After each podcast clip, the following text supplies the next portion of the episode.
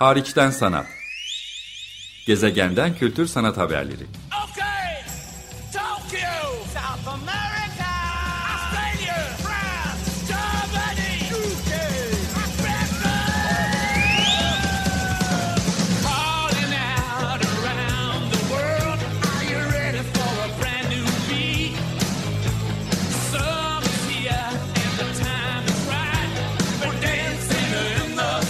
Hazırlayan ve sunan Çelenk Bafra. Zorlu Holding Sürdürülebilirlik Platformu Akıllı Hayat 2030, herkes için daha yaşanabilir bir dünya diler. Merhaba, iyi haftalar.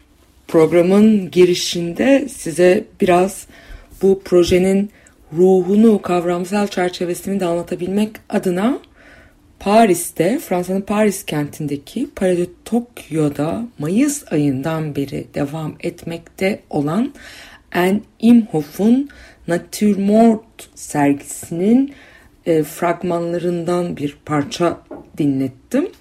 E, bu haftaki konum Fransa'da özellikle e, Fransa'nın meşhur sanat fuarı FIAC, Fuar International d'Art Contemporain esnasında yani Ekim ayı itibariyle müzelerdeki, sanat kurumlarındaki sergilerden size izlenimlerimi aktarmak, bilgiler ve haberler paylaşmak. Şüphesiz en çok konuşulanları bunların içinde carte blanche adı verilen yani tamamen açık çek e, niteliğinde bir her sene bir sanatçının davet edildiği Palais Tokyo projesiydi. Geçmiş yıllarda da çok önemli isimler özellikle performans ses alanından da isimler tabii ki güncel sanat odağında.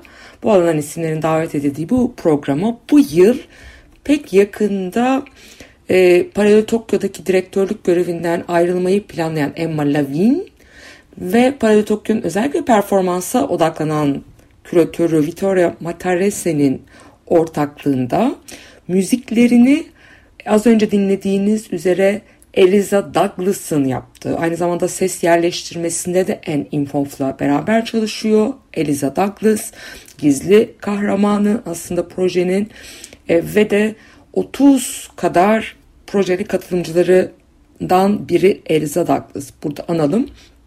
Carte Blanche verildi En Imhoff'a, Emma Lavin ve Palais Tokyo yönetimi tarafından ve bu yıl Fransa'nın en çok ses getiren projesini Nature Mort'u 30 kadar sanatçı ile birlikte hayata geçirmiş durumda.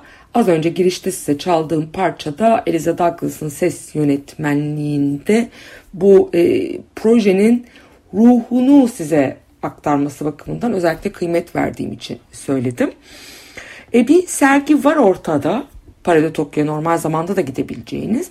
Ama en çok ses getiren kısmı 14-18 ve 21-24 Ekim tarihleri arasında her akşam saat 6'da başlayan ve tam 4 saat süren e, İngilizce'de ya da terminolojide durational performans olarak adlandırılan e, yani süresel performans olarak Türkçeleştirebilirim. 4 saat boyunca Parada Tokyo'nun farklı katlarına, farklı mekanlarına yayılan farklı farklı performansçıların ve sanatçıların ve sesçilerin ve insanların ve aletlerin aslında aktive ettiği her an başka bir yerde bir şeyin olduğu hardcore kelimesini kullanmak lazım elbette burada. Adeta Parade Tokyo'yu bir tür gece kulübüne ya da büyük bir metropolitanın arka sokaklarına, tekinsiz arka caddelerine, yer yer banliyölerine, yani yer yer merkezine dönüştüren, hayatla ölüm ya da hayatta olmamak, karanlıkla aydınlık, işte gündüzle gece belki, şu anla geçmiş ve hatta belki gelecek, hareketle durağanlık, uyumla uyumsuzluk arasında hep sizi askıda bırakan, suspense kelimesi belki gerilimli bir halde, beklentide bırakan e, bir proje bu. E, çok tartışmalı. Biletler hep sold out'tu. Girmek çok zordu. Giren pişman, girmeyen bin pişman olarak nitelendirebileceğimiz e, bir proje var. Polifonik yani çok sesli, tamamen immersive yani sizi her yerinden sarıp sarmalayan, bedenin çok sert bir biçimde ortada olduğu, sesin, müziğin hatta gürültünün yer aldığı, e, kendi kendine zarar verme, zarar verme, şiddet, direniş, pasif direnişe denk gelen pek çok hareketi gördüğümüz, sanat tarihine referanslarının çok güçlü olduğu, resim, farklı yerlerden ödünç alınmış resimler, çizimler de vardı. Sahne tasarımları gerçekten kurulmuş sahneler vardı. Ve tabii ki önemli bir senografi hem sergi senografisi anlamında hem performans senografisi anlamında söz konusuydu. Natürmort adı bence projeyi baştan aşağı tek kelimeyle özetlemek için çok doğru bir tercih olmuş. Resimde kullanılan bir e, anlayıştır biliyorsunuz natürmort yani ölü doğa olarak çevirebiliriz. Natür doğa, mort ölü anlamında. Bunu çoğaltmış yani natür çok doğa ve mort ölüler. Doğalar ve ölüler tabi tam Türkçeleştirmek zor ama natürmort kelimesini hem natür kelimesini hem mort kelimesini çoğul olarak kullandığını düşünelim. İngilizce'de bunun karşılığı olarak sanatta kullanılan still life bence tam olarak karşılamıyor. Ee, yine de o still yani durağan olmak, durağan olmamak kelimesi ya da hayat kelimesi belki biraz bir anlam ifade ediyor ama doğa ve ölü, ölüm, ölümlülük bütün bu kelimeler ve tabii ki natürmort'un e, yapmaya çalıştığı durum tespiti, anı dondurma, belki bir manzarayı ortaya koyma anına çok denk düşüyor hakikaten.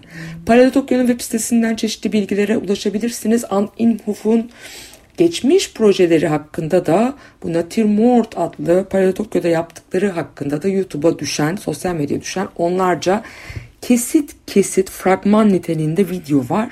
Onlara bakmanızı tavsiye ederim. Çok rahatsızlık verici.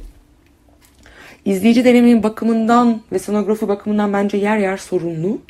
Fakat rahatsızlık vermeyi zaten amaç edinen kendisine beni rahatsız eden kısmı gözetleyici konumuna a, düşmekti ve herkesin tabii ki sık sık bunları sadece Instagram hikayesi yapmak üzere e, deneyimliyor olmasıydı.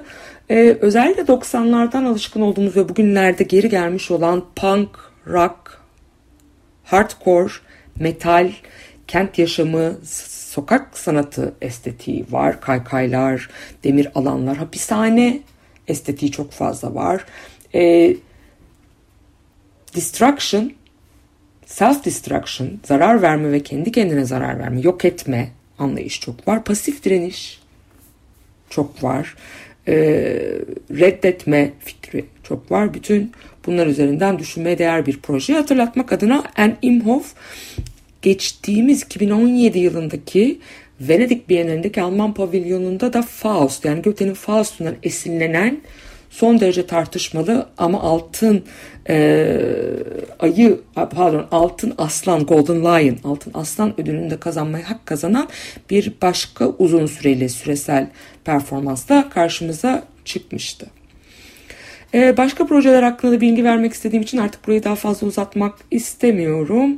Ee, Paris'te aynı dönemde başka neler var diye bakacak olursanız çok ses getiren bir başka isim şüphesiz e, Temmuz'dan beri devam eden Fondasyon Cartier'deki Damon Hirst Cherry sergisiydi. Çok fazla söze gerek yok. Damon Hirst ne yapsa, nerede yapsa, Venedik'te de yapsa, Londra'da da yapsa, Paris'te de yapsa ses getiriyor. Fondasyon Cartier pour l'Art Contemporain'de Damon Hirst'ün Cherry adlı bir işi vardı. Adından da anlaşılacağı üzere kiraz çiçeklerine özellikle bu çiçeklerin açış biçimlerine odaklanan e, çok da ondan alışa gelmediğimiz başka tür bir iş yapmıştı. Bunu da gündeme getirelim. Fondasyon Louis Vuitton bir e, başka ses e, getiren sanat kurumu hep özel isimler gördüğünüz gibi.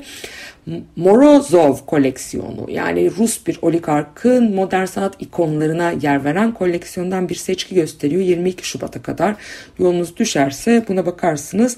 Ee, Morozov'un koleksiyonundan bu Rus oligarkın koleksiyoncunun koleksiyonunda modern sanat adına ne varsa görmeniz mümkün. Ama benim özellikle dikkatini çekmek istediğim iş Open Space bölümünde Bu serinin dokuzuncusu kapsamında Fransa'da ilk müze sergisini açan Amsterdam'da Hollanda'da yaşayan Türkiye kökenli bir isim Özgür Kar Macabre adlı çok ekranlı bir enstelasyon ortaya koyuyor. Ee, özellikle dans da referans veren bir iş bu. Daha önce Rijksakademi'deydi, Hollanda'daydı. Oradan belki takibinize girmiş olabilir Özgür Kar. Ama bu proje mekanındaki Open Space'deki işiyle Fransa'daki ilk e, müze sergisini açmış olduğu Fondation Louis Vuitton'da.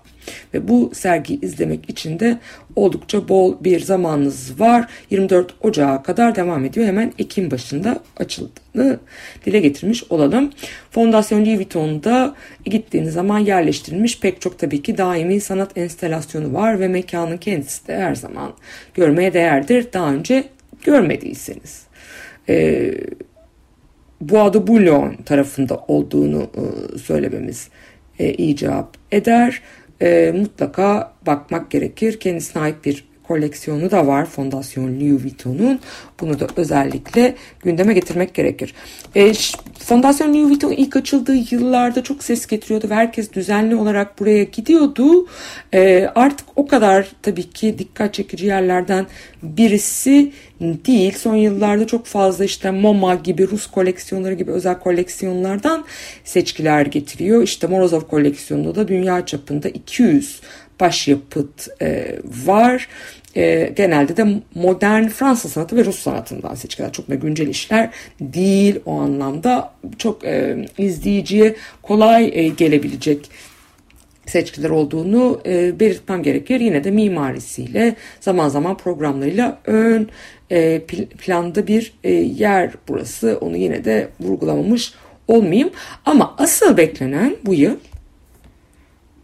sonbaharda Paris'e gidenlerin Bourse de Commerce'te yani Fransa'nın eski ticaret odası, ticaret borsasını. Uzun yıllardır Fransa'nın en önemli koleksiyoncularından ve başlıca zenginlerinden e, olan François Pinault. Çok uzun yıllardır Fransa'da bir müze açmak istiyordu Pinault. Ve e, Fransız hükümeti buna hiç destek olmadığı için tam tersine vergi indirimi yapmadığı, alan tahsis etmediği, adeta kösteklemeye çalışır gibi bir izlenim verdiği için Pinault'un kendisine François Pinault gidip arka arkaya Venedik'te iki ayrı mekanı dönüştürmüştü. E, Palazzo Grassi yani hemen akademiya e, tarafındaki eski bir sarayı, malikaneyi, palazzoyu dönüştürmüştü ve hemen akabinde Porta della Dogano yani gümrük depolarının, gümrük rıhtımının olduğu alanı da e, oradaki eski yapıyı da Tadoando'yla dönüştürmüştü. Ve bu iki mekanda sadece Venedik Bienali ya da Mimarlık Bienali dönemi değil yıl boyunca Caroline Bourgeois'ın sanatsal yönetiminde pek çok sergiyle örneğin Damien Hirst da bunlardan biri. Pek çok ses getiren kendi koleksiyondan seçkileri daha ziyade e, Tadoando'nun dönüştürdüğü Ponte della Dogano'da sergilerken Palazzo Grassi'de kendi koleksiyonunda da işleri bulunan e, sanatçıların retrospektif ya da solo sergilerini ayıracak biçimde kullanıyordu. Bütün bunlar olurken onlarca yıllık çabanın sonunda bu yaz Paris'in hemen göbeğinde Mare bölgesinde yakın olacak biçimde Leal e, bölgesine yakın olacak biçimde yılların atıl kalan e, ticaret odası binası, ticaret borsası binasını dönüştürdü ve Pino Collection'la bu yaz itibariyle açtı. Bu dönüşümü yine Tadawando yani kendi kendini yetiştirilmiş otodidakt e, Japon mimar pek çok müze ya da sanat kurumunda imzası olan mimarlardan biriyle yaptı. İşte herkesin beklediği Eylül ayında Arpari ya da Ekim ayında Fiyak hatta Kasım ayında Potofari Parifoto gibi fuarlara gidecek pek çok ismin öncelikli olarak görmek isteyeceği mekanlardan birisi Bourse Commerce olacak. Yani burası nasıl dönüştürülmüş, neler sergileniyor. Çünkü tamamen güncel sanata adanmış e, bir müze olarak kendini tarif ediyor.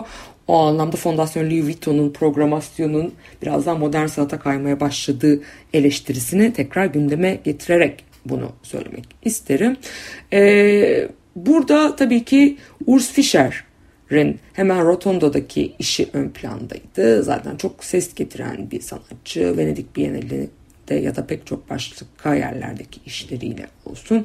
Hemen girişteki büyük yuvarlak alana devasa mumlarla yaptı. Dolayısıyla bütün süreç boyunca eriyecek biçimde ve müzenin açılışına özel olarak müzenin e, kubbesindeki tarihi e, çizimlere, resimlere, duvar resimlerine de referans verecek biçimde yapılan işleriyle doluydu. 31 Aralık'a kadar bunu görmek mümkün öncelikle. Bir başka 31 Aralık'a kadar sergi salonlarında görülecek iş daha önce Palazzo Grassi'de yani Venedik'te retrospektifini yaptıkları Marshall Rice yani Fransız ressamın e, sergisiydi. E, bunu görmek mümkün. Onun dışında Stan Douglas'ın e, işleri e, vardı. E, pek çok grup e, sergisi vardı. Özellikle yerleştirilmiş Pino koleksiyonunda yerleştirilmiş. Ama Rudolf Stingel'ın resim nedir'i sorduğu foto gerçekçi diyebileceğimiz anıtsal resimleriyle ön planda olan insan figürüne, figüratif e, resme e, öncelik verdiği adeta fotoğraf, siyah beyaz fotoğraflar gibi görünen e, işlerinden yapılmış bir solo sergi vardı. Bertrand Lavier hem Urs Fischer'ın bulunduğu giriş alanındaki o e, yuvarlak alana rotundaya yerleşen işlerin etrafını dönüştürüyordu. Hem başka yerlerde de işleri vardı. Maurizio Catalan'ın doldurulmuş güvercinlerle yaptığı, taksidermik güvercinlerle yaptığı bir iş vardı. E, ve de yine Filip Parenno'nun Medici sütununun üstüne yerleştirdiği geceleri dışarıdan görülebilen bir ses yerleştirmesi vardı. Mont Analog. Bunu görmek mümkündü. Özellikle dışarıdan gece baktığınız zaman Pierre Hugues'ün işleri söz konusuydu.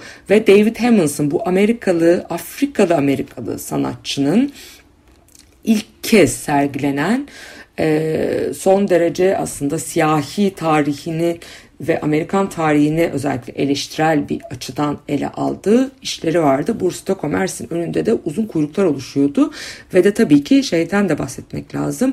Leal Agren, Leal Ogren adlı son derece ses getiren bir kafe ve restoranının önünde de kuyruklar oluştuğunu vurgulamak gerekir bu sanat kurumundan da bahsettikten sonra bir başka ses getiren e, sergi Müzede L'Orangerie'deydi.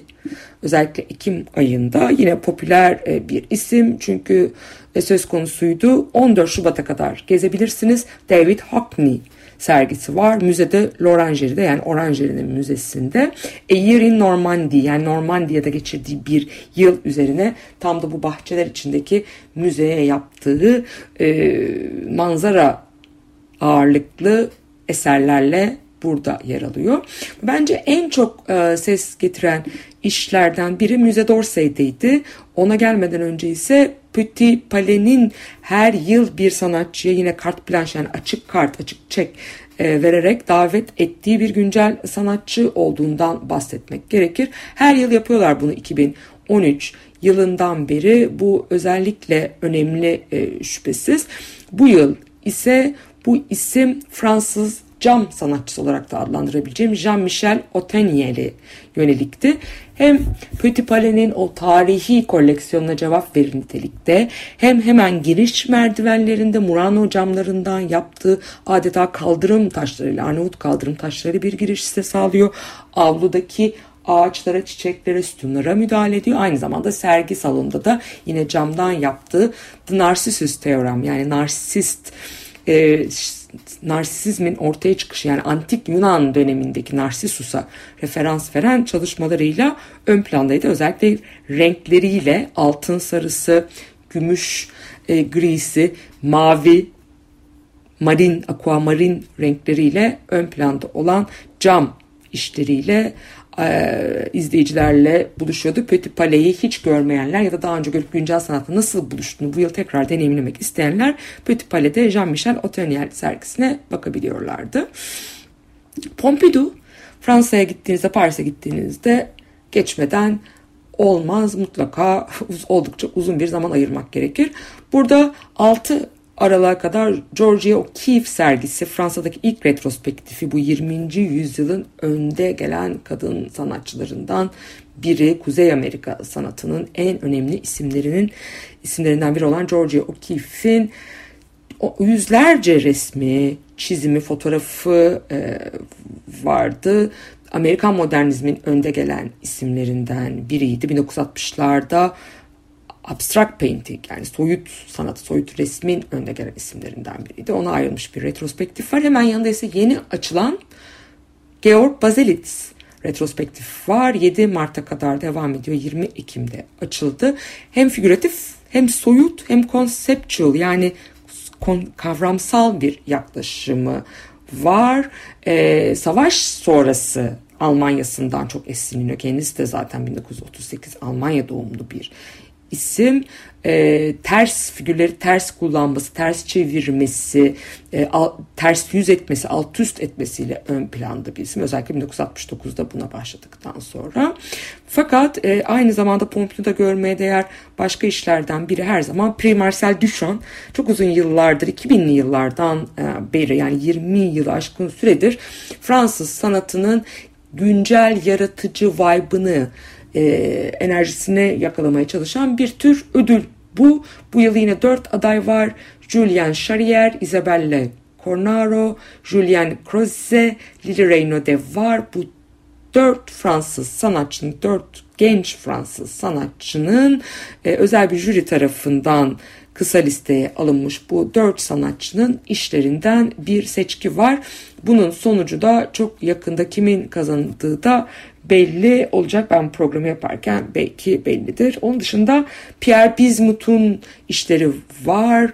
Ee, özellikle fotoğraf bölümünde Martha Wilson'ın işleri var. Alt katlarda performansa ayrılmış e, bölümler var ve tabii ki Pompidou'ya ilk kez gidiyorsanız özellikle koleksiyon seçkisini de görmeden geçmeyin derim. Hem modern sanat koleksiyonu hem güncel sanat koleksiyonu ayrı ayrı değerli. Son olarak gündeme getirmek istediğim çalışma ise Baudelaire'in Fransa'nın bu ünlü şairinin özellikle kötülük çiçekleri Le Fleur du Mal adlı baş yapıtın yazarı şairin 100. doğum yılı vesilesiyle Müze d'Orsay yani Fransa'nın belki de en çok tabi Louvre Müzesi birlikte en çok ziyaret edilen müzelerinden biri. Müze d'Orsay güncel sanatçıları Baudelaire'in çalışmaları üzerinden müze koleksiyonuna cevap verecek biçimde devam, davet ediyor. Yoksa Müze d'Orsay'in kendi koleksiyonu özellikle empresyonizme odaklanan koleksiyonu ziyaret etmek kalabalıklardan meydan bulursanız elbette mümkün. Sinemaya odaklanan bir e, sergisi var onu ziyaret etmek mümkün. Koleksiyoncu kimliğiyle Monsieur yakın e, yine empresyonizm odaklı koleksiyonundan yapılan özel seçkiye bakmak mümkün. Ama bütün bunlar içinde Müze d'Orsay tek başına gitmeniz için yeterli bir sebep 30 Ocağı kadar devam eden Paris'in omurgası olarak Türkçeleştirebileceğim Le Spleen de Paris adlı Marlene Dumas sergisi. Güney Afrikalı bu kadın sanatçının 1867'de hayatını kaybeden Charles Baudelaire'e ithafen e, yaptığı bir seri resim sergileniyor. Bir kısmı müzenin koleksiyon salonlarında onlara cevap örneğin Monet'e cevap verir. Ona onun karşısında ona selam verir nitelikte sergilerken ayrıca bir güncel sanat süreli sergiler salonunda da bu işlere e, yer veriliyor e, özellikle kötülük çiçeği yapıtından esinlenerek yapılmış karanlık, siyah beyaz, e, zamansız çizimler ve resimler bunlar çok güçlüler, çok çarpıcılar, çok karanlıklar elinde fare tutan bir çocuk gibi. E, ya da askıda kalmış bir adam gibi özellikle Baudelaire'in şiirsel estetiğine ve üslubuna cevap verme e, çabasında olan bunu bence son derecede güzel, e, iyi, doğru bir şekilde e, başaran bir çalışma Marlin Dumas'ın işleri kaçırılmamalı. Ben programcınız Çelenk Bafra. Her hafta olduğu gibi bu pazartesi de Türkiye saatiyle 16.30'da Açık Radyo'da hariçten sanattaydım. Açık Radyo'nun web sitesinden de kaçırdığınız programları ya da programı canlı olarak takip etmeniz mümkün. İstanbul'da 95 FM bandından dinlemeniz mümkün. Kaçırdığınız programları iTunes'da, Spotify'da, Açık Radyo'nun kendi cep telefonu aplikasyonlarında, akıllı telefon aplikasyonlarında ya da web sitesinde de takip etmeniz mümkün. Hariçten sanatta önümüzdeki hafta görüşmek üzere. Hoşçakalın. Hariçten sanat. Gezegenden kültür sanat haberleri.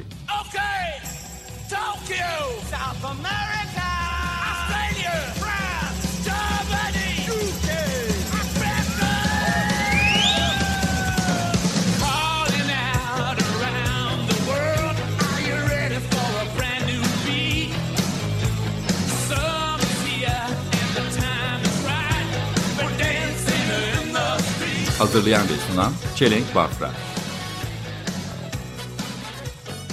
Zorlu Holding Sürdürülebilirlik Platformu Akıllı Hayat 2030 sundu.